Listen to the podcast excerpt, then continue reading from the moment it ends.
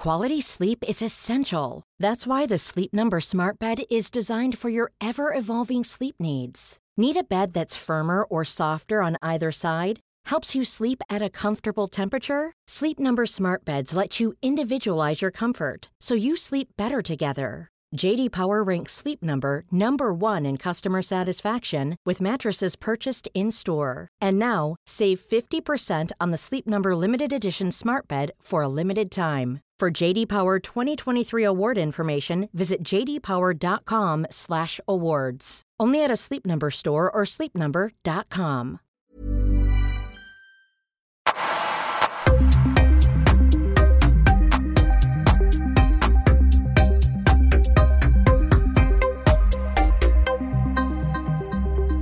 Patrik Svanberg, välkommen till Öppet sinne. Tack så mycket Paul. Härligt. Det, vi skulle börja podda för en timme sedan typ. Men ja. du har haft en väldigt eh, liten unik upplevelse under din resa till Stockholm. Vad hände? Ja, precis. Ja, det, först så fattade jag inte vad som hände. Eh, tåget ner, eh, mitt i natten så hör jag ett eh, jävla tjut och sen eh, en rejäl smäll. Och eh, jag kollade runt, stod still. Alltså det var lugnt, tåget stod still, liksom ingenting hände. Så jag, ja, jag somnade om helt enkelt. För att sen nu vakna på morgonen och, och förstå att vi har visst eh, haft närkontakt med två älgar. Lite för närkontakt. Lite för närkontakt, ja precis. En tjejkompis tyckte så här, men, men vart du inte orolig? Nej, så det är ju lugnt liksom. Så att jag tänkte så här, ingenting att oroa sig för, kusten är klar. Så att jag, det var som lugnt. Sen, sen när jag förstod att det var två eh, individer, eh, älgar, vuxna älgar på 700 kilo styck, så mm. då förstod jag att eh, det var inte bara att vi hade kunnat stå still, vi hade ju rent av kunnat hamna i diket. Ja. Så det var, det var en spännande start. Ja, det förstår jag. Det förstår jag verkligen.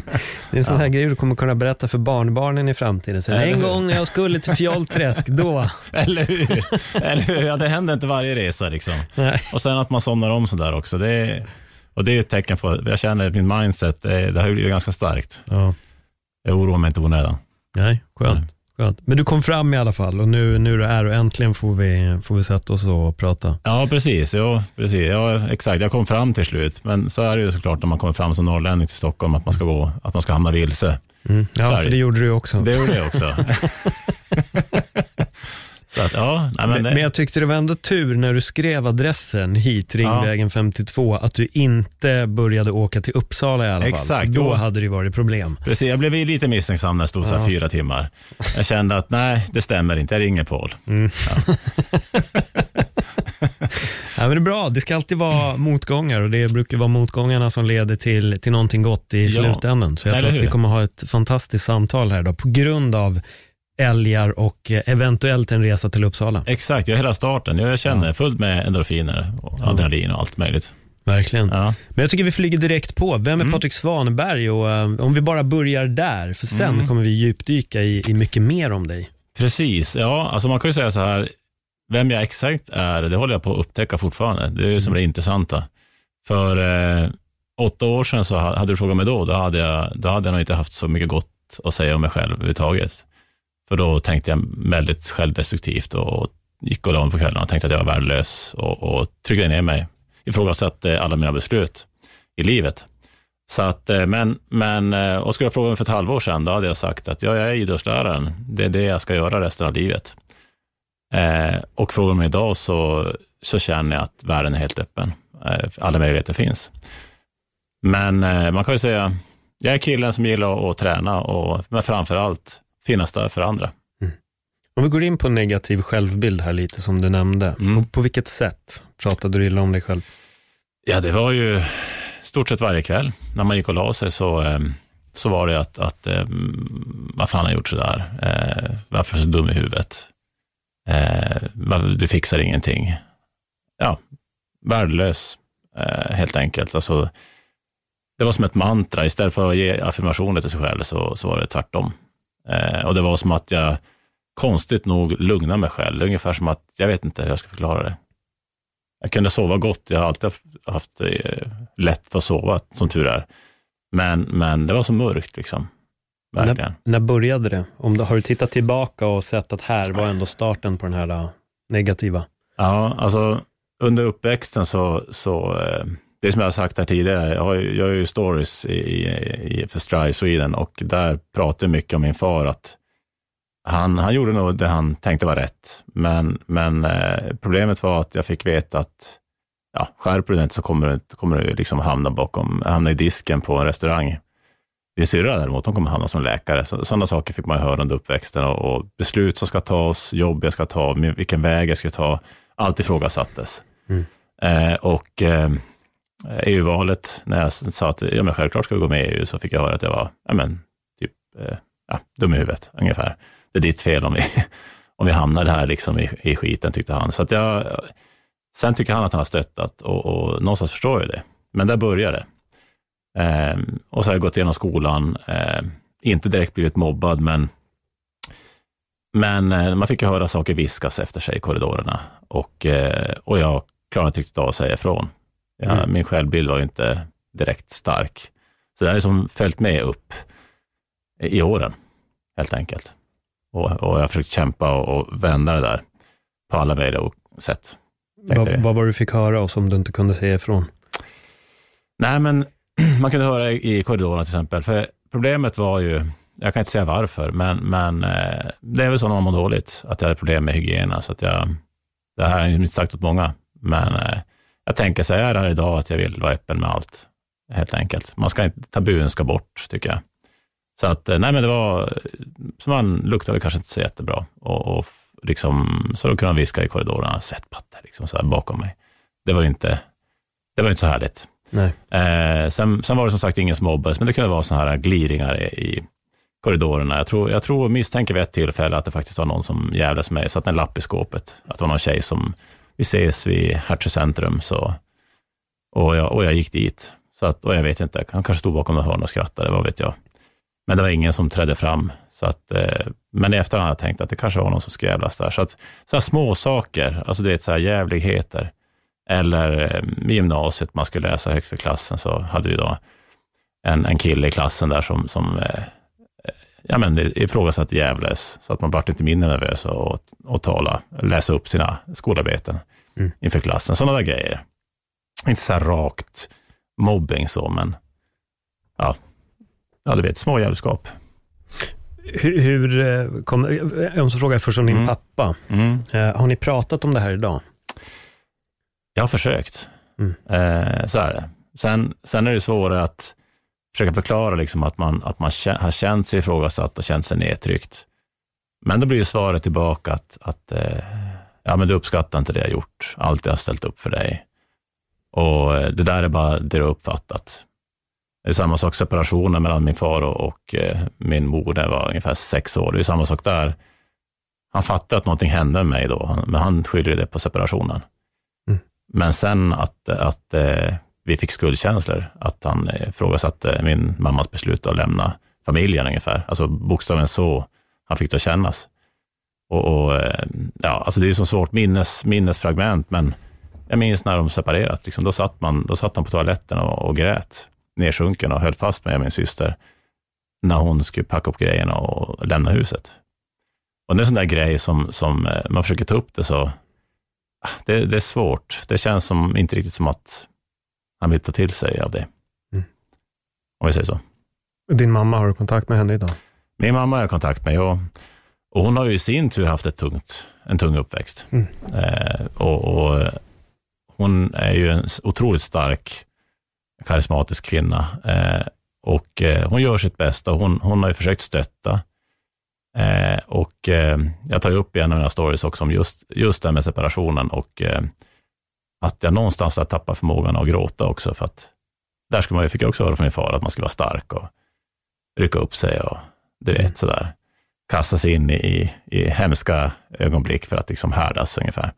Så att eh, hon har ju som haft svårt för det där. Hon har velat, velat lyfta, men hon har samtidigt inte heller klarat av att gråta framför mig, hon, framför mig. så hon har gått undan och har blivit ledsen eh, om man har sårat henne. Så det har ju som varit hon har varit, hon har varit stark och svag samtidigt. Mm. Eh, men, men vi har jättebra dialog. Hon, hon, har, hon är full av kärlek. Hon är, hon är en häftig kvinna. Och min far han har också såklart sina bra sidor, men vår relation är ju inte kanske så bra. Nej. Nej. Blev din syster läkare? Hon vart inte läkare. Hon? Eh, hon är kassachef eh, på Willys, men... Förlåt men, att jag skrattar, men det, det är ju höjden av ironi på något sätt. Ja. När din pappa klankar ner dig och förklarar vad din Ja. syster ska bli och så hamnar hon där. Nu menar inte jag alls Nej, att nej, prata är- illa. nej, precis. Men det är ju hans, hans eh, den här förmedlandet Ja, av precis. vad som kommer ske var ju väldigt, väldigt fel. Precis, jag menar, och det är det som är grejen. Alltså, min syster hon, är- hon, är, hon är grym. Hon skulle kunna vara så mycket mer Mm. än så. Eh, och hon gör ett jättebra jobb. Hon är jätteengagerad i sina, sina anställda och, och hon söker till att bli varuhuschef nu. Så att hon tar sig sakta Mm. uppåt. Men hon har också blivit ifrågasatt under uppväxten. Eh, fått rummet visiterat efter, för att söka efter om hon tjuvröker eller du vet sådär. Så, så, och, och liksom fast rummet är låst så. Så det är, ja, alltså, som sagt, jag, jag, jag säger det som sagt att han, han, han, han gjorde sitt bästa. Men, men om det var mitt eller hennes bästa, det, det är frågan. Det är knasigt, det är, det är konstigt det där för att det känns som att alla föräldrar gör väldigt, väldigt mycket fel, men de vill inte se det. De vill blunda för det. Det är väldigt få som är ärliga med att jag har gjort mina misstag och jag har gjort fel. Istället så blir det ungefär som att de kastar skulden på dig här nu då. Att, men vadå, du ser ju inte allt bra jag har gjort. Mm. Mm. Men samtidigt att förtränga sorg eller att man ska vara hård eller klanka ner och att det är ditt fel om vi går med i EU. Det är bara, Mm. alltså det är galenskap på något sätt också. Precis, alltså det som är grejen är att jag har ju alltid, alltid varit en tänkare, alltid haft stark moral, på Mm. både gott och ont. Eh, men, eh, och, och jag har alltid försökt förstå eh, andra. Ibland kanske för mycket, eh, så att man inte har liksom lyft sig själv, man har försökt förstå den andra parten hela tiden. Eh, det har också gjort att jag kom, när vi kommer in sen på relationer, varför jag hamnat i, i Mm. destruktiva relationer. Men, så jag har försökt förstå min far och han i sin tur, eh, hans mamma var ju västlestadian. Det innebär att, att eh, det finns östlestadianer och väst. Eh, och de östlestadianerna får inte ens ha tv och gardiner och allt sånt där. Men det får ju västlestadianer, men det är väldigt strikt. Det är kyrkobesök varje söndag. Han blev tvingad att gå i kyrkan, fast han inte ville. Han blev tvingad säkert till väldigt mycket, han också. Och, och eh, hon var väldigt sträng. Jag kan säga att det, jag kände absolut noll kärlek från min farmor. Eh, och eh, där, där tror jag att det grundar sig för honom. Eh, men att, att eh, gå dit ja, och, och prata om, om hans uppväxt, det har jag aldrig vågat göra. Det känns som att där är det stängt. Mm. Så jag tror att det grundar sig där. Och så vet han inte nu vad han ska göra. Liksom. Om jag har förstått, och västlästarianer, mm. alltså det är någon, det är någon religiös, Det är ju religiöst, precis. jag har aldrig hört men det. Lästadianismen, Okej. den här stammar ju från, oj, ja men det är uppåt, Mm. nor norra Sverige. Eh, så att, eh, eller Stadius heter han i efternamn. Eh, tappar jag förnamnet, men i alla fall, det är ju, det är ju en, en, eh, en variant av kristendomen. Något frikyrkligt då eller? Ja, precis. Exakt. Mm. Så att, så att eh, men, men i alla fall, så jag tror att det grundar sig där. Och så har jag försökt förstå, förstå han där. Liksom. Och I vuxen ålder, så det, var ju, det tog ju, jag tror jag var 32 innan jag började känna att han började prata till mig som en, som en jämbördig människa. Men fortfarande, så än idag, så blir jag ifrågasatt. Mm. När jag gick med i Strive och skulle berätta om mig själv, och mitt liv och mina erfarenheter, så bara, ska du verkligen lämna ut det sådär? Tänk om, alltså blottlägga ditt inre, liksom. tänk om de utnyttjar dig. Och det kanske talar mer om honom än om, om mig, vad vet jag. Mm. Ja, jag skulle säga ja på den frågan. Ja. Det skulle jag absolut. Det är intressant det där, för det är väldigt Mm. många som är oroliga. Det är, jag känner igen det här själv. Alltså jag är jätteöppen i min egen podd. Jag öppnar upp mig mer än vad jag någonsin trodde att jag skulle göra i mina egna avsnitt. Ja.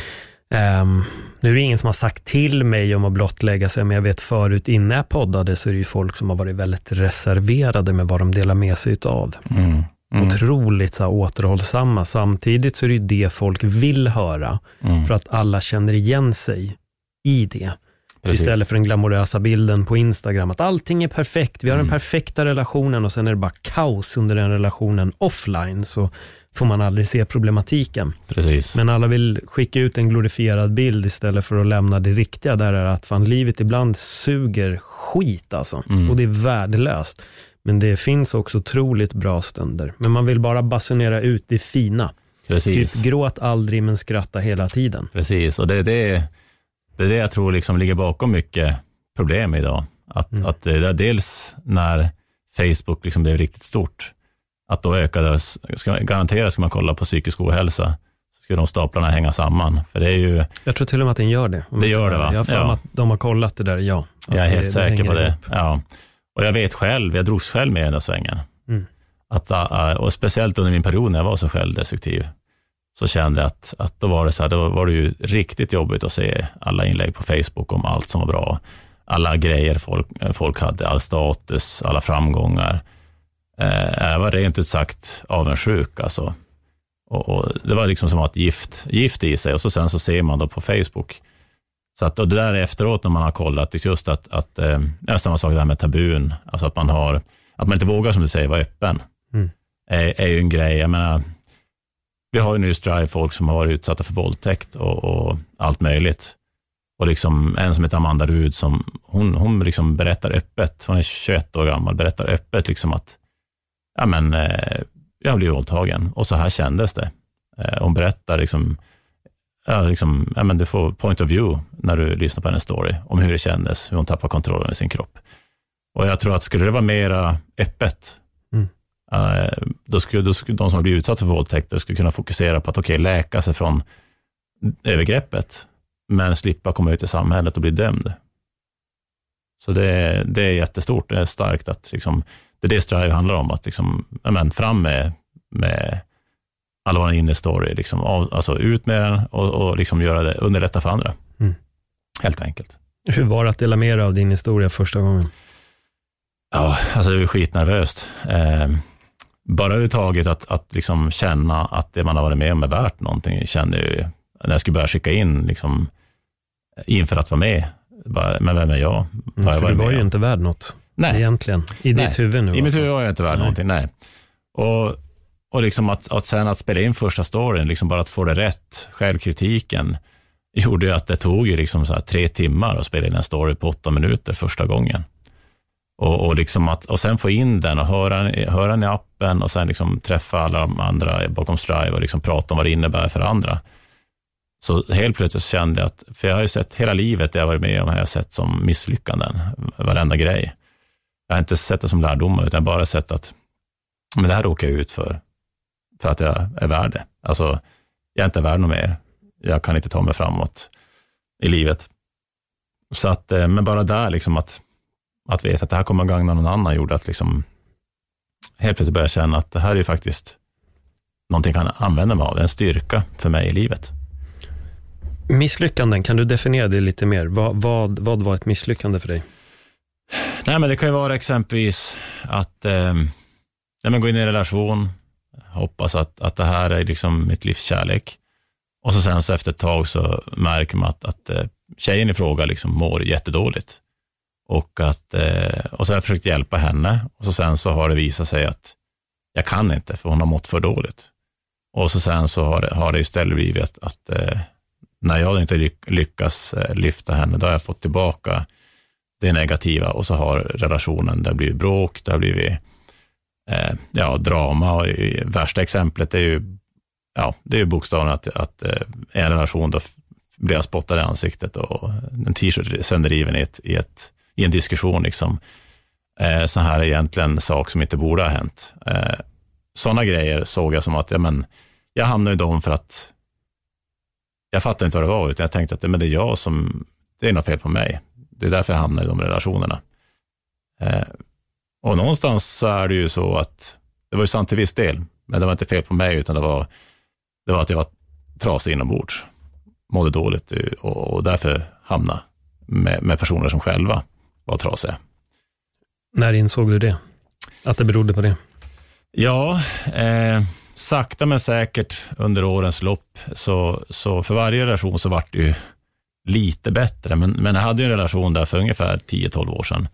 Det var då det hände det här med, med det här, just det här liksom att det var mycket, mycket diskussion, mycket drama. Ja, det var en tjej helt enkelt, så jag kände att diskuterar vi, det kommer att hamna, det kommer att hamna med slagsmål i slutändan. Hon kommer inte att ge sig. Eh, och, eh, så jag var ju tvungen till slut att liksom backa, för annars så, jag var inte villig att liksom börja slåss om saken. Men, men den relationen ledde ju till att det vart mer och mer eskalerade och efter den här händelsen med att, att vi bråkade om min sons cykelhjälm, där jag vill att, att eh, hon ska förstå att liksom, ska din dotter låna den, då, då vill jag att hon förstår att det inte är hennes, utan att hon lånar den.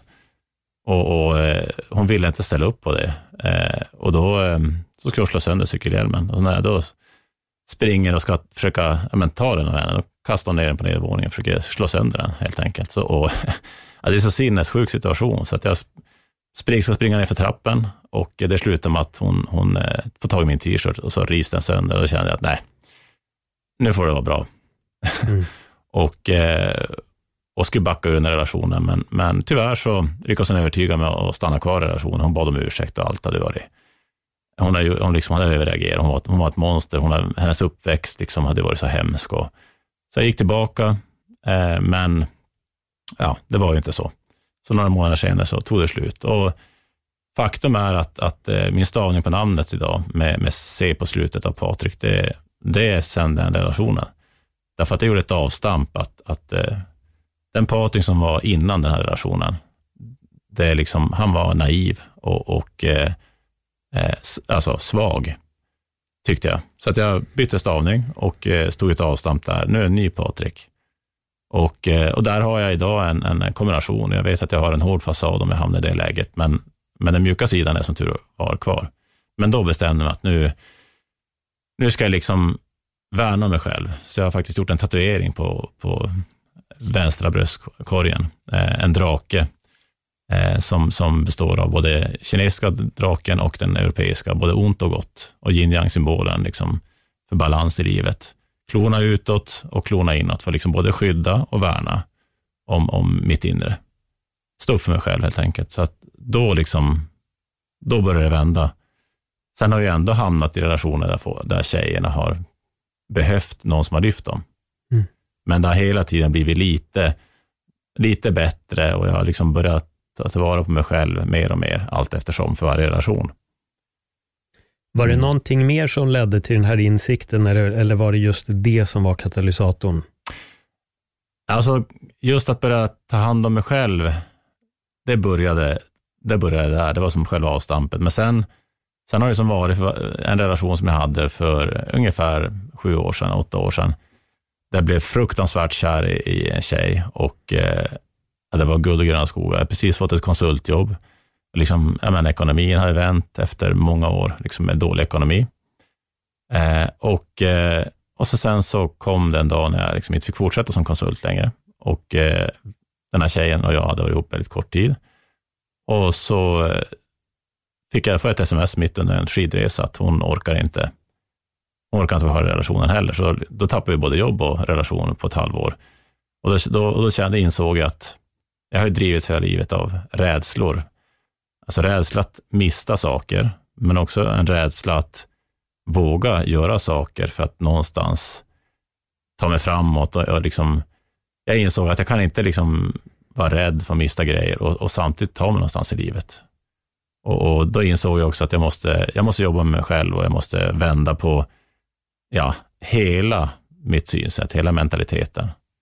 Och, då, då, och det var ungefär då för åtta år sedan då började det hända på riktigt. Att, att, eh, då började jag läsa självhjälpsböcker. Mia Törnblom framförallt är en väldigt viktig karaktär för mig. Så jag började liksom läsa böcker och började, började, såg hennes föreläsning på Kulturens hus i Luleå och eh, läste Henrik Fexeus, eh, Att få mentala superkrafter och så vidare. Mycket, mycket, mycket YouTube-klipp och mycket sånt för att ja, nu ska jag vända på det här. Jag ska inte vara destruktiv längre mot mig själv. Så det var då. Mm. Mm. Vad var den tuffaste insikten i allt det här? För det måste ju ha kommit ett gäng insikter när du börjar läsa och du börjar lyssna på de här människorna, att du börjar se de här mönstren i dig själv. Att den här Patrik, jag antar att det var med K då, ja, liksom exakt. var på ett speciellt mm. sätt, mm. alltid tog till sig av saker. Vad, vad var den tuffaste insikten för dig? Den som kanske var jobbigast att så här, vad fan håller jag egentligen på med? Den tuffaste insikten var ju att, att eh, hur stor del av mitt liv har jag kastat bort, kände jag först. Mm.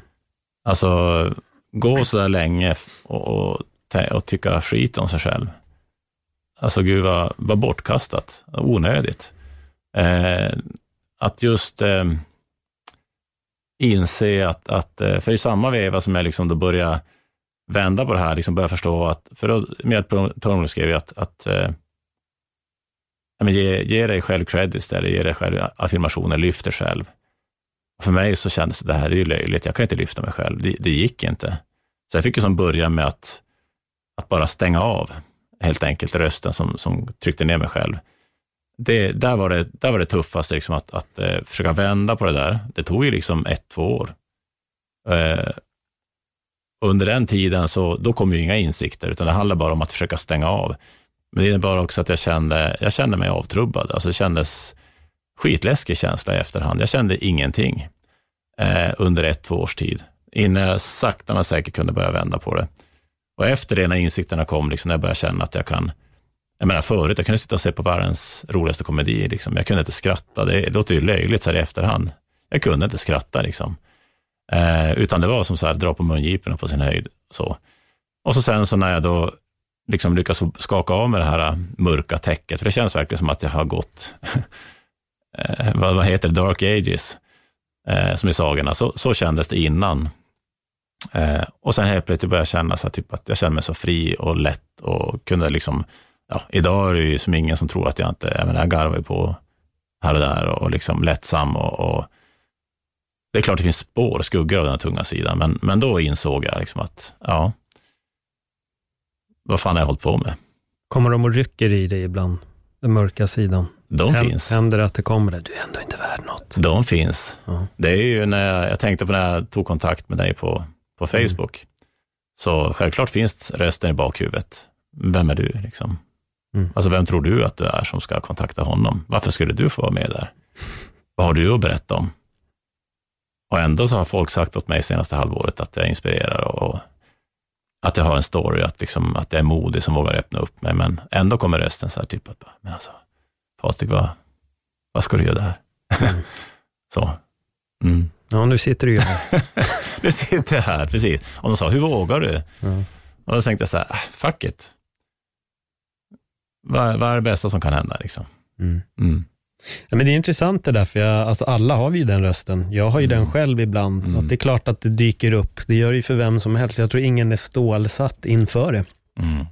Däremot så tror jag att den här rösten äger vissa människor och det låter som att det är det den har gjort med dig. En period av ditt liv så ägde den dig medan andra får besök av den medan den ägde dig. Precis, ja 38 år ja. ägde den mig.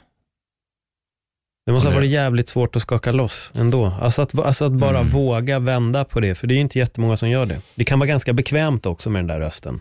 Väldigt tungt. Det tog mycket energi. Det var ju, för mig var det, katalysatorn var ju att jag hamnade i en depression där, när jag miste både jobb och, och relation. Så det var första gången jag kände att jag, när man låg i sängen och skulle sova, så bara, det var som att jag bara föll, skitläskigt. Alltså bokstavligen hamnade mitt, jordens mitt. Mm. Och då, då kände jag under den, under den vevan, så det började med att jag tänkte, nu ska jag vända för jag ska vinna tillbaka kärleken. Eh, och, eh, och kämpade på som tusan där och eh, träffade på henne, tjejen där igen, under hösten. Vi blev faktiskt ihop igen. Men jag var inte, jag var inte färdig med min resa, eh, så att eh, det brast ju sen igen då. Men, men det var ändå ett bevis för mig att jag har lyckats vända på det. Hon kunde inte tro på det. Omgivningen kunde inte tro på det. För de, de hade ju som lärt känna mig, jag menar, ja, hela mitt liv kan man ju säga. Jag är 45 idag, så att så de, det var ju som svårt för dem att tro på det. Eh, utan, men jag tänkte, jag skiter i det. Jag fortsätter ändå. Och, och där insåg jag att, att eh, oavsett vad jag är med om så, så har jag ett, ett, ett mindset som är starkt i grunden. Eh, för jag, jag ger inte upp. Har jag gett mig fan på någonting så då, då ska jag nå dit. Så att egentligen så har jag som haft små grejer. Även innan den här riktiga vändningen så är det som Eh, hatar att stå framför folk och tala i gymnasiet. Ja, men då blev jag amatörmodell när jag bodde i Umeå en period här för, för ungefär 12 år sedan. Då. Och sen så var det en kompis som bara, ska jag med på filminspelning? Ja, då hängde jag med dit. Och så har jag liksom gjort steg för steg för att utsätta mig själv. Jag har känt att någonting har varit jobbigt. Och då har jag gjort precis det för att, eh, för att liksom vända på det. Så att hela vägen har varit, liksom, hela mitt liv har jag, har jag eh, utsatt mig för saker för att bearbeta de sidor som jag, som jag känt att men här har jag en sårbarhet att jobba med, vilket mm. man inte ska vara, man ska inte skämmas för sina sårbarheter, men jobba med dem tycker jag är viktigt. Eh, så att jag har liksom försökt hela tiden att, att eh, hitta de bitarna, eller om jag har känt att jag har varit svartsjuk. Under perioden jag mådde dåligt så var jag jättesvartsjuk, på grund av att jag var rädd att mista. Men, men eh, jag har istället gjort saker för att liksom, jag har inte accepterat de sidorna. Det här ska jag jobba med. Jag ska inte utsätta mig själv eller min omgivning för, för de här, för jag, det, det, är så bortkastat. Varför ska man gå omkring och, och må dåligt? Jag har hela tiden försökt välja saker som får mig att må bättre eller bearbeta saker. Fanns det någon i din omgivning som pushade dig i det här, åt rätt håll? Som inte ifrågasatte kanske, eller undrade varför, utan mer stöttade dig? Ja, jag har ju, jag har ju min, min tjejkompis eh, Desiree Rova. Och jag lärde känna henne när hon var 20, eh, och idag är hon 35 ungefär. Så jag har känt varandra i, i 16 år drygt. Och hon har, ju, hon har ju själv haft grejer i sin uppväxt som hon har bearbetat och jobbat med. Jag har haft mina grejer, så vi har som på något sätt varit varandras Eh, stöttepelare. Mm. Och, och liksom hon har hela tiden försökt pusha och lyfta och berätta. Och när jag hamnar i mina relationer så, så liksom, ja, jag är ju som typ tänkt, alltså då har jag ju som sagt att, men Patrik, det här har du gjort tidigare också, när jag har sagt att jag kommer inte träffa någon tjej igen. Jag kommer aldrig träffa en sån bra tjej igen. Och jag har aldrig blivit så här sårad förut. Men det säger du varje gång. Och så sen liksom när jag haft mina grejer och, och, och inte trott på mig själv så har hon, har hon lyft mig hela vägen. Så hon har varit en otroligt stor stöttepelare, så, så att jag kallar henne för min, min syster, liksom, fast vi egentligen inte är det. För att hon har betytt jättemycket. Sen har One size fits all seems like a good idea for clothes until you try them on. Same goes for healthcare. That's why United Healthcare offers flexible, budget-friendly coverage for medical, vision, dental, and more. Learn more at uh1.com. Hey, I'm Ryan Reynolds. Recently, I asked Mint Mobile's legal team if big wireless companies are allowed to raise prices due to inflation. They said yes. And then when I asked if raising prices technically violates those onerous two year contracts, they said, What the f are you talking about, you insane Hollywood ass? So to recap, we're cutting the price of Mint Unlimited from $30 a month to just $15 a month. Give it a try at mintmobile.com slash switch. $45 up front for three months plus taxes and fees. Promoting for new customers for limited time. Unlimited more than 40 gigabytes per month. Slows. Full terms at mintmobile.com. Jag har haft andra karaktärer också som har kommit och gått i mitt liv som har stöttat. Jag har ju goda vänner som finns där. Min vän Anders, som jag lyfte upp som dagens talang här på LinkedIn, han, han är en sån där liksom person som Fast han själv inte har fått till det i, i sina relationer, så han har alltid lyssnat liksom, och alltid stöttat, alltid varit på min sida. Så att det finns ju, det finns ju flera karaktärer, men just Desiree vill jag lyfta fram, för att, för att hon, har liksom, hon är också den som först av allt trodde på mig när jag började göra den här resan och vända allting. Så hon, hon har varit noga med att säga så att det är helt otroligt vilken resa du har gjort. Att det, ja, det är mäktigt. Vad säger din familj idag? Ja, eh, min, min eh, mamma hon är ju jättestolt. Eh, det är som när jag hade spelat in första storyn för Strive och, och, och, och spelar upp den för henne. Och Det handlar bland annat om det här med separationen och hur jag växte upp med dålig självkänsla och självkritik och så vidare. Och För det första att hon vill lyssna. Både hon och, och min styvfar, han ville också lyfta. Han, han var det också ett stort stöd. Eh, och det är ju lite underligt men, att säga, men han har ju varit egentligen en bättre fadersgestalt på det sättet. Eh, så att han har, han har, de liksom lyssnade på storyn, vi satt och pratade efteråt två timmar och liksom tog upp allt möjligt om, om eh, hans problem med alkoholen liksom i, tidigare i livet och, och min mors uppväxt med hennes hårda mamma eh, som, som tryckte ner henne. Och vi hade ett jättegivande samtal efteråt. De var jätteintresserade. Och eh, ja, min far däremot, han, jag tror inte han har lyssnat på en, ett ord av en av mina stories. Mm. Hur känns det att han inte har gjort det? Ja, jag vart ju inte förvånad. Det var någon som sa det, men ska du inte, ska du inte berätta för, för honom att han, för, att han florerar i dina, i dina stories? Så, nej, så den dagen han, han lyssnar på dem, då kan jag ta snacket med honom. Mm.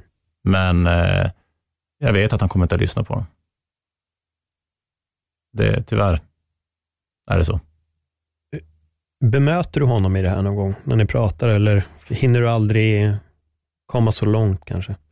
Ja, alltså vi har haft, vi har haft ett otal duster i det vuxna livet.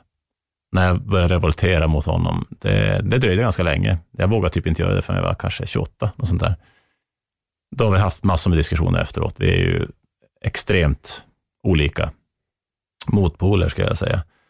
Och senast för några år sedan här så försökte jag ta en diskussion med honom efter ett större gräl, men, men då kommer jag där igen. Mm. Allt jag gjort för dig.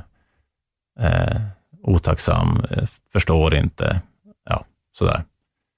Så att, eh, och samma sak som separationen här. Att, eh, ja, nej, men du har ju som inte, du har ju aldrig blivit dig själv riktigt efter, efter jag och din mamma separerade. Och, och någonstans så blir det så här att jag vet ju bakgrunden, hur mycket skit som snackades om henne när de separerade, att det var hennes fel. Så jag tror han fortfarande tänker så idag. Att eh, ja, det var ju synd att hon separerade från mig, för annars hade du varit starkare.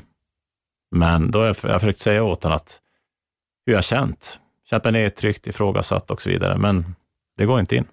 Mm. Eller så vill han inte inse, jag vet inte. Finns det en styvmamma i bilden? Eh, det, ja, han, har haft, han har haft olika partners också. Han hade ju en kvinna under, under många år. Eh, och eh, ja, där var inte relationen bra heller.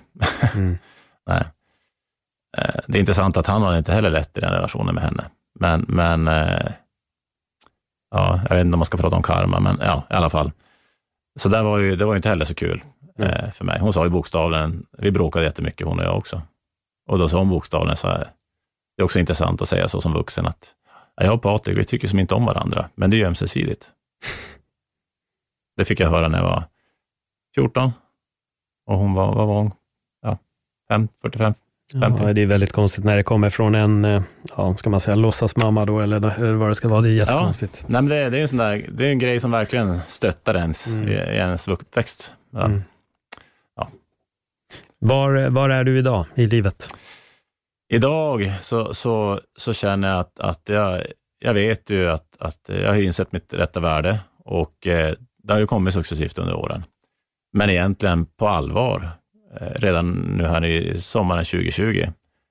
Så det började med att under, i mars där så hade jag tänkt åka till Kanada, vart inställd på grund av covid.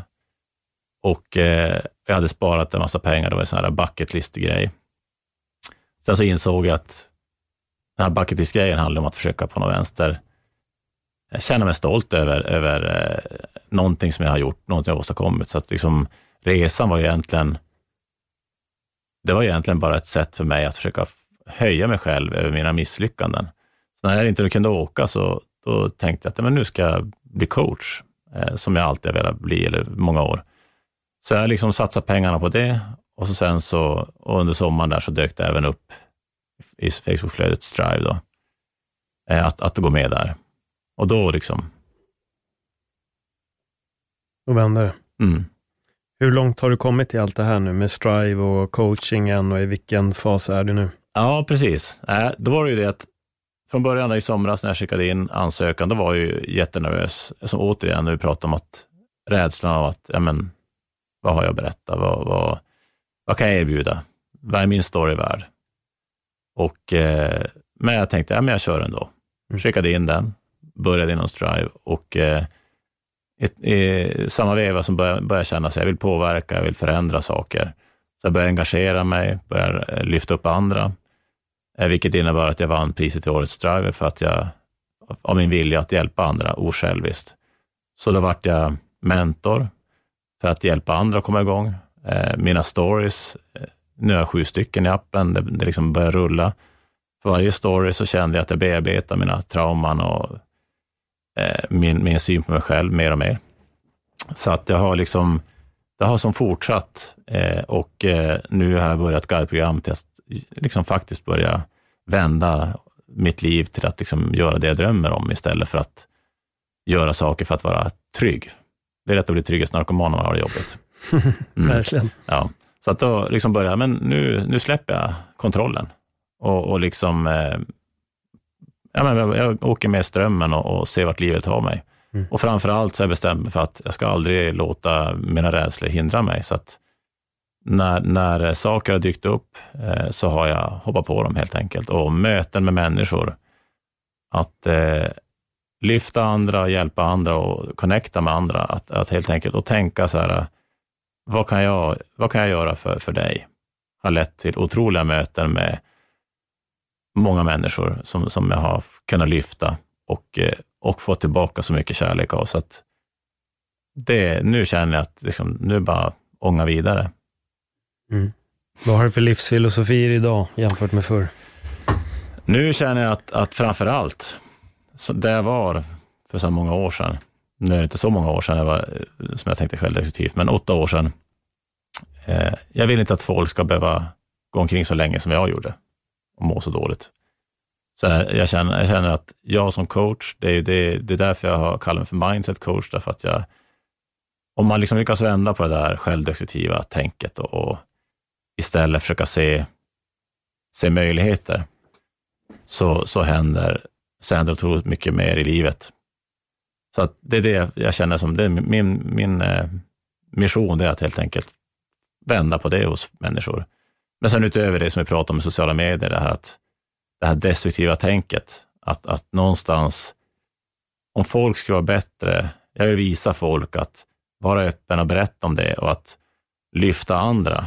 Eh, att man liksom kombinerar det här med att inte, dels inte tänka självdestruktivt, men också tänk, inte, jag tycker så mycket individualism i samhället idag, att man lyfter upp sig själv, eh, hela tiden ska framhäva sig själv. Att, eh, Eh, om man ska ha mer fokus istället på att man, man hjälper varandra, man lyfter varandra, man ger till andra för att sen hoppas på att få tillbaka, inte för att man ska räkna med att få tillbaka. Det, det är så mycket, mycket här som handlar om att man ska på något sätt, känns som att man utnyttjar varandra mer än att man att man på något sätt bidrar. Så det vill jag förändra också genom, genom att föreläsa om det som jag varit med om och, och föreläsa om min resa. Och helt enkelt delta där jag hörs, alltså på event och, och, allt möjligt för att nå ut med budskapet om att, att eh, om vi skulle liksom inte hänga upp oss på så mycket negativitet och, och om vi skulle vara öppnare med vad vi varit med om, så skulle det vara lättare för andra också att, att visa vad de har varit med om och inte, inte gå omkring och tänka att de är sämre än alla andra eller att, att eh, det jag varit med om, det, det är någonting som jag, det ska, man, det ska hyschas ner. Var, varför tror du att det hela tiden ska hyschas ner? Vad tror du beror på att folk inte vågar vara mer öppna? Ja, alltså det, det här ordet jante är ju så himla klassiskt. Att man är rädd att vara sämre än någon annan är rädd att bli utnyttjad, är rädd att bli skrattad åt, eh, ja, rädd att bli ifrågasatt. Tappa ansiktet, mm. helt enkelt. Um, ja, alltså det, jag tror att det är det som ligger i grunden. Man är livrädd för att någon ska på något sätt inse att jag är inte så stark och, och, och framgångsrik som det ser ut. Mm. Mm. Ja, intressant. Mm. Jante präglar oss väldigt mycket här i Sverige och det är vissa som tycker att det är jättebra. Du har ju nämnt det några gånger, jag vet inte om det var innan inspelningen eller under inspelningen, men mm. du ska inte komma här och tro att du är något Nej. och hela den biten. Men mm. det är jag tycker det är en sån jävla skitkommentar rent mm. sagt. Jag har hört flera bara, men det är jättebra, man ska inte komma mm. här och tro att man är, fast vadå, inte komma här och tro att man är, det handlar inte om att folk går runt och tror att Nej. de är något, det handlar Nej. om att folk vågar ta för sig. Sen att någon annan vrider det till att här kommer den och tror att den är något, mm. det är din bild av det hela. Precis. Den precis. andra vill väl bara göra något. Jag tycker inte att det är fel att åstadkomma något eller vilja hjälpa, vilja Nej. prata. Och, Nej. Alltså, alla borde ju anamma det mer kan precis. jag tycka. Nej, jag märkte ju det. Alltså, eh, egentligen, jag menar, jag har haft min LinkedIn-profil i många år, men, men jag har som inte fattat, ja, man söker jobb på LinkedIn ungefär, mm. någonstans sådär. Men sen så, när jag gått med i Strive så tänkte jag så här, ja, men jag har ju mina stories i appen, jag vill att folk lyssnar, jag vill att de lär sig av det. Så då ska jag bara skriva in att jag, jag är inspiratör för Strive, ska jag bara ha som en, en del i profilen, men det råkar stå under mitt namn. Och helt plötsligt så börjar folk lyssna. Och det är den här klassiska grejen, så här, att om du har någonting som folk är intresserade av, ja då helt plötsligt betyder ditt ord mer. Eh, och, eh, men jag tänkte så här, ja, men jag, jag använder det där ökade intresset för mig till att nå ut med mitt budskap. Så jag började skriva om, om empowerment och, och att, var, att eh, våga visa sig sårbar, eh, berätta om min uppväxt, eh, eh, gav ut min story så att man kunde lyssna på den och vad jag varit med om. Och eh, det började väcka uppmärksamhet. Och jag märkte att just det här med att prata mjuka värden som, som man och, och framför allt, eh, ja, jag vet inte, jag, jag, tänker så här, det är ju ingen som tror när de ser mig idag att jag har varit så här självdestruktiv, att jag har varit så här, eh, mör, att jag har haft så här mör, mörkt inre och att, att jag har eh, tillåtit mig själv bli utsatt för de här grejerna i livet. Så att, och jag känner liksom, och, och någonstans tänker jag så här att det, ju, det har liksom blivit en, en liksom, den värsta grejen när folk såg att, när folk såg att man kan, ja men han vågar faktiskt vara öppen. Så att det har som fortsatt där och, och där jag tänkte, okej, okay, nu ska jag visa också att jag kan lyfta upp andra. Och, och jag har märkt, jag märkt, märker på inlägg runt omkring att det, det börjar påverka de andra också, att börja vända på, på det. Folk som tidigare bara skrev destruktiva saker börjar skriva om positiva saker. Så jag tänkte, men i takt med det här så, så börjar, börjar jag inse att för att jag ska nå ut med mitt budskap så måste jag någonstans skapa mig ett, ett namn eh, mer och mer. Så att jag börjar connecta med folk på ett genuint sätt, men liksom för att någonstans eh, få folk att prata om mig också, att, att eh, connecta med folk som, som tänker också positivt, tänker framåt, också tänker att lyfta. Och det har gjort liksom att mer och mer att jag känner att, att eh, det här med att vara öppen, det är liksom, och våga vara öppen, det är liksom extremt sällsynt. Mm. Ja, det är det verkligen. Alltså det, och det liksom spelar ingen roll vilken, vilken nivå du är på, om du, alltså, eh, utan att gå in på namn, för jag vill inte avslöja dem, men, men liksom, folk som liksom säger, men det är hög status, det är mycket pengar, det är liksom, men, ja, de, de, man, folk utåt sett skulle tycka att de här personerna, de har ju lyckats på alla sätt och vis, men även där så, så ser liksom, jag ser bakom, på grund av säkert vad jag varit med om själv, att jag ser att här, här finns den, den här svagheten, sårbarheten finns där, den här, på något sätt en önskan om att, att få berätta. Alltså, jag liksom kan riktigt känna hur liksom det ligger under ytan så här, men man vågar inte riktigt. Och, och då kände jag att här kan jag, kan jag som coach komma in och, och göra en insats, mm. helt enkelt. Vad är lycka för dig? Lycka för mig, det är att, eh, att ha människor runt omkring mig som, som eh, ja, dels både ställer upp för mig, men som, som där, jag, där man liksom, det både ger och ta.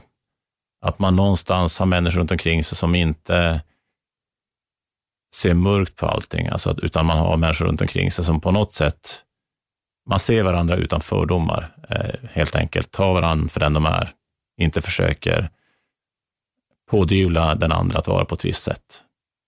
Det är lycka för mig. Att ha, att ha, har man det, då tror jag att annat löser sig också. Vad är framgång? Vad framgång är? Mm, svår grej. För, förut hade jag nog sagt, ja men har man, har man eh, den här klassiska hus, eh, vill, eh, liksom eh, Volvo och, och Vove ungefär. Men, men eh, framgång för mig idag är helt enkelt att göra det som, som, eh, som där man är sann mot sig själv. Att hitta sin passion och, och, och våga följa den. Och, in, och inte, liksom, inte ha massa blockeringar och hinder som håller en nere. Mm. Eh, någonstans förenkla livet. Det viktigaste är ju egentligen familj, kärlek, men, och framförallt kärleken till sig själv. Följa ja. sitt hjärta. Vad skrämmer dig? Vad som skrämmer mig? Mm. mm. Ja, eh, vad ska man säga då? Vad som skrämmer mig, det är helt enkelt att jag inte ska veta eh, om jag, att jag tappar bort min väg igen. För någonstans är det så att det är ju inte så länge sedan som jag kände att jag hittade min väg. Rädslan att förlora den är ju faktiskt stark. Så att, så att eh, faktiskt här bara för några dagar sedan fick jag en liten, liten dropp där, man, där jag helt plötsligt kände så okej, okay, nu har jag ångat på. Eh, jag har utvecklats hela tiden, för det är ju framgång för mig att, att utvecklas, att aldrig sluta utvecklas. Men så kände jag att nu kommer jag till en punkt, så här, typ att vad ska jag göra nu? Ungefär. Eh, och det, det är skrämmande, för någonstans så, som du säger, den här rösten i bakhuvudet pockar ju. Att eh, någonstans är det så här, typ, men Patrik, ska du inte liksom backa tillbaka, lugna ner dig. Liksom så här, och så, du hittar tryggheten. Här kan du vara, liksom. var nöjd med det. Vad fan, begär inte så mycket av livet när du, du har haft det så där. Att någonstans så, så är det liksom någonting som är min största rädsla. Som skrämmer mig, att någonstans hamna tillbaka till där jag var. Jag vet bara att jag vill framåt. Mm. Sen vart det är. det vet jag inte. Nej, tiden får, tiden får du avgöra. Eller det, det är ju verkligen det. Hur ser du på kärlek idag, med tanke på destruktiva relationer som du har, har gått igenom? Hur, eh, hur ser du på kärlek idag? Till en annan person, inte bara Nej. benämningen kärlek, utan i en relation. I en relation. Ja, det är det som är grejen. Eh, jag ska faktiskt ha ett Facebook Live här ihop med en som heter Lucy Larsson på söndag, som handlar om villkorslös kärlek. Och det är just det som är med grejen. Jag vet ju själv, när jag var så där självdestruktiv och, och rädd för att mista allt, allt, jobb, kärlek, så var jag också väldigt krävande i min relation. Eh, som en blodigel, alltså liksom att, att eh, till varje pris hålla fast vid kärleken, fastän den var destruktiv, fastän det var bråk, fastän det var ifrågasättande och så vidare, så var jag ändå, jag höll som fast i lilla strimman av hopp där liksom.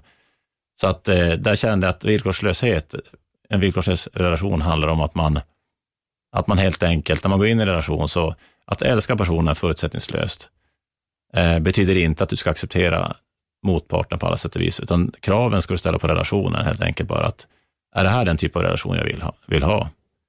Om den andra personen inte, inte är på det sättet, det kommer inte att förändra någon, utan de är den personen de är, utan det handlar om att du ska hitta en person som passar dig och som, du, som passar den andra. Så för mig så kärlek, det handlar om att, att man, man ska ha en relation som, som är, inte öppen som jag har flera partners, men, men att den är öppen på det sättet att man, att man köper varandras både eh, svagheter och styrkor. Att man inte, att man inte ifrågasätter varandra, utan att man, ja, nakna sanningen helt enkelt. Här, här är vi. Det, för mig är det det som är, är kärlek. Att, att eh, Eh, jag håller på att träffa en faktiskt nu som, som eh, det är lite hysch runt det, det i början. Men, men där är det väldigt, hon har haft det tufft i livet eh, också. Och, eh, men jag och är rädd för att, ja men tänk om jag inte kan älska igen på det sätt jag vill och tänk om jag inte, tänk om du inte tycker att det duger. Och jag har sagt till henne att, ja men, för mig så finns det ingen tidspress. Jag har inte bråttom. Alltså jag är ute efter att hitta någon för livet. Så att vad du har varit med om, det, liksom, det, det har ingen betydelse för mig. Bara, liksom, bara du kan acceptera att det tar tid och att, du, liksom, att vi kan köpa varandra för den vi är. Det, för mig är det liksom riktig kärlek. Nu kommer jag komma med en kritisk fråga. Mm. Är du inte orolig nu att du halkar in i ett gammalt spår här med att träffa någon som behöver hjälp? Och återigen blir ja. du den här som ska hjälpa någon. Ja, alltså det som är grejen, jag hade varit orolig för det. Eh, för, eh, egentligen kanske för ett år sedan bara, till och med. Att jag hade liksom, men för mig så är det liksom, om du, om du har insett ditt eget värde, om du om någonstans har förlikat dig med, med den du är, att det är det jag har gjort tidigare i livet. Alltså någonstans så har jag mått dåligt över att jag har hamnat i de här relationerna. Att jag idag står i en situation där jag är 45 år gammal, jag har inte min egen bostad, för att jag har inte satsat på att spara pengar, för att jag har inte sett någon framtid. Så idag så känner jag så här, jag förlikar mig med det, jag har förlikat mig med den jag är. Jag har accepterat mina sårbarheter, jag har anammat dem och jag har någonstans insett att okej, okay, framgång, det är kanske inte det jag har tänkt tidigare. Framgång är att liksom vara mig själv, att, att vara stolt över det och göra det bästa av livet och, och, och faktiskt njuta här och nu.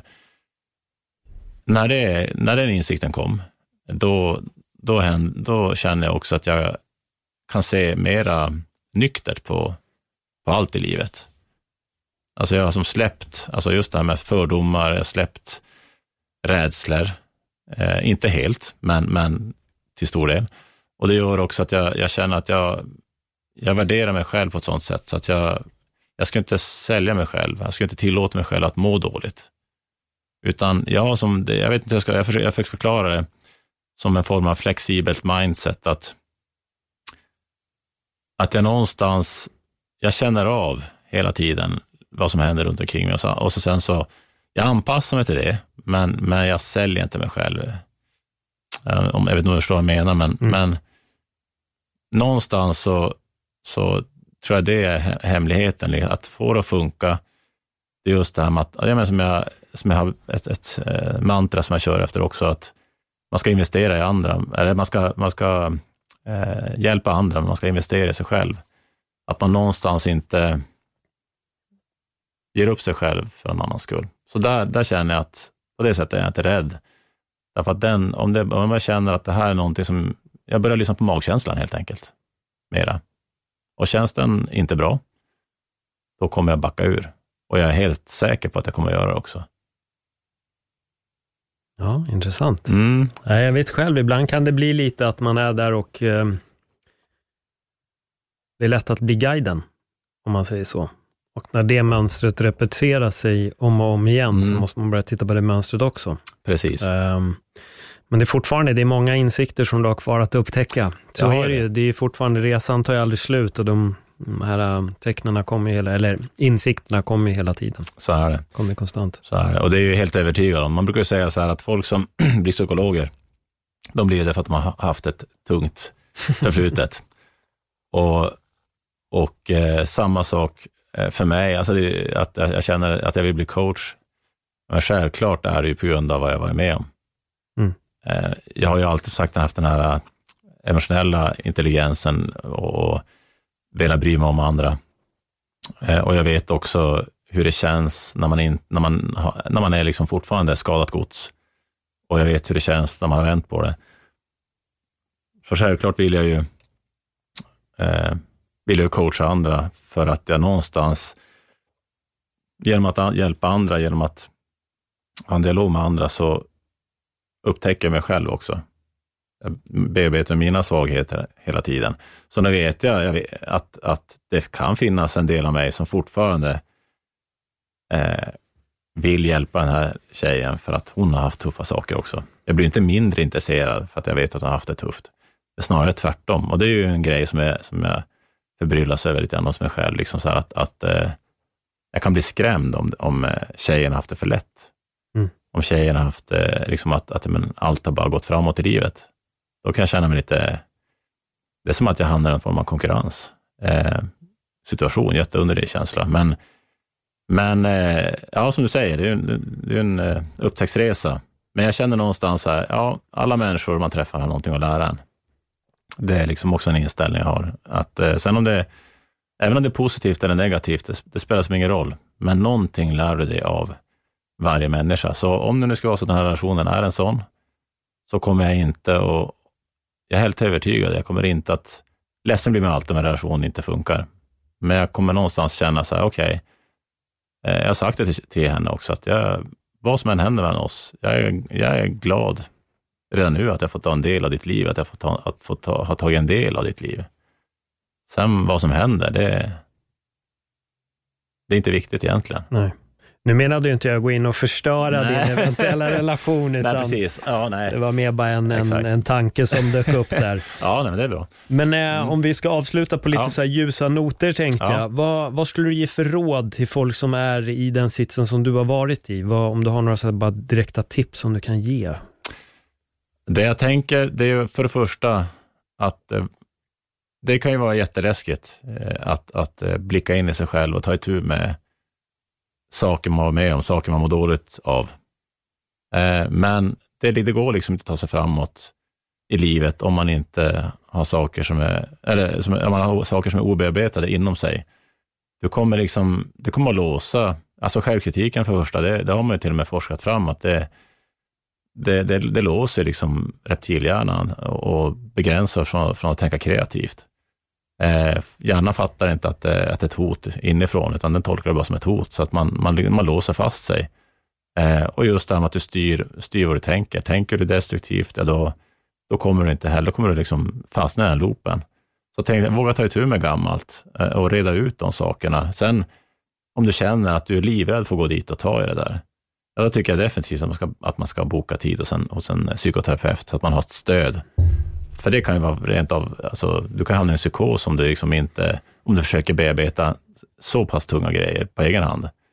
Men att man, att man faktiskt vågar ta itu med det och, och söker hjälp och inte, och inte är rädd för att, att bli betraktad som att man är ett psykfall eller att man, att man är svag eller sårbar, utan, utan faktiskt äga det. Det är svårt för folk att utnyttja dina sårbarheter om du faktiskt går ut och säger, så här, så här, det här är jag. Det här har jag varit med om. Och som jag börjar göra. Mm. Så det är liksom att man ja, vågar ta itu med saker och faktiskt tänka, vilka relationer söker jag mig till? Och, och, där har jag liksom också pratat med en tjej på sistone som har, varit, har varit, haft det jättetufft i livet och, och, hon är livrädd för kärleken. Och hon undrar, hon undrar, undrar hela tiden, det, hur ska jag hitta kärleken? Då säger jag så men fokusera inte på att hitta kärleken, utan fokusera istället på att, att älska dig själv istället först. För du kommer inte att hitta rätt partner, du kommer inte att hitta rätt vänner, så länge du tycker så om dig själv, så länge du mår dåligt över det du har varit med om. Allt det kommer att styra din radar. Du kommer inte att se eh, vilsna själar attrahera vilsna själar. Eh, det är också en grej som jag tar upp i en av mina stories. Så det är skadat gods söker efter skadat mm. gods. Det är därför där. hon vill hitta kärleken, får väl inte ta itu med problemen själv. Precis, och det är där mm. jag vill liksom det är det som är min, min mission i, i livet nu, att, att, eh, sen hur jag ska åstadkomma det, men det är ju liksom att nå ut med det. Mm. Mm. Var, eh, var följer man dig? Var hittar man dig? Vilka plattformar finns du på? Ja, eh, just nu så är det ju, finns jag på LinkedIn, Patrik med C som sagt, Patrik Svanberg, och sen har jag ju Facebook. Eh, och sen är jag med i Strive Sweden också. Så att, men, men det är de två, och så Instagram har jag också min, min mm. eh, ja, Patrik Svanberg. Sen, sen är det ju det här liksom nu, min resa, jag har fått nytt med budskapet, gör ju att jag vill ju, jag vill ju någonstans att folk ska, ska höra mitt namn och helt enkelt förknippa mig med de här bitarna. Eh, och eh, jag berättar gärna öppet, som jag ska göra nu på, på För allt du är värd-galan också, om vad jag var med om. För jag, för jag vill att jag, jag, jag kan ta det. Jag tar gärna och är den, den eh, fyren för folk. Mm. Eh, så att därför vill jag liksom att folk ska, ska liksom de får gärna komma till mig och, liksom, och, och lära sig av det.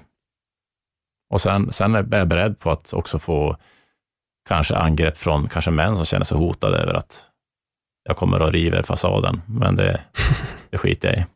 Det är bra, den ska rivas. Eller hur? Den finns inte där. Det är folk som bara tror att Eller den befinner sig där.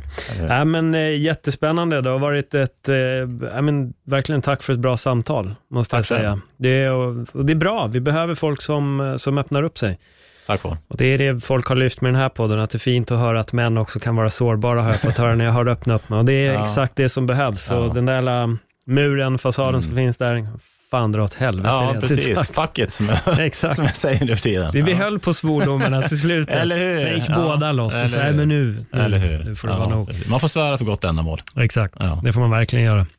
Men eh, in och följ Patrik. In och eh, lyssna hans stories på Strive var det va? Eller? Strive live, precis. Yes. Jajamän. Följ honom där och uppdatera. Och kom ihåg, det finns ingen mur, alla är vi sårbara och det är bara att vara ärliga med det. Om ni uppskattar avsnittet får ni jättegärna dela på era sociala medier. Och om det är första gången ni lyssnar på podden, glöm inte att scrolla igenom så ni hittar fler intressanta samtal i öppet sinne. Tack för den här gången. Hej då.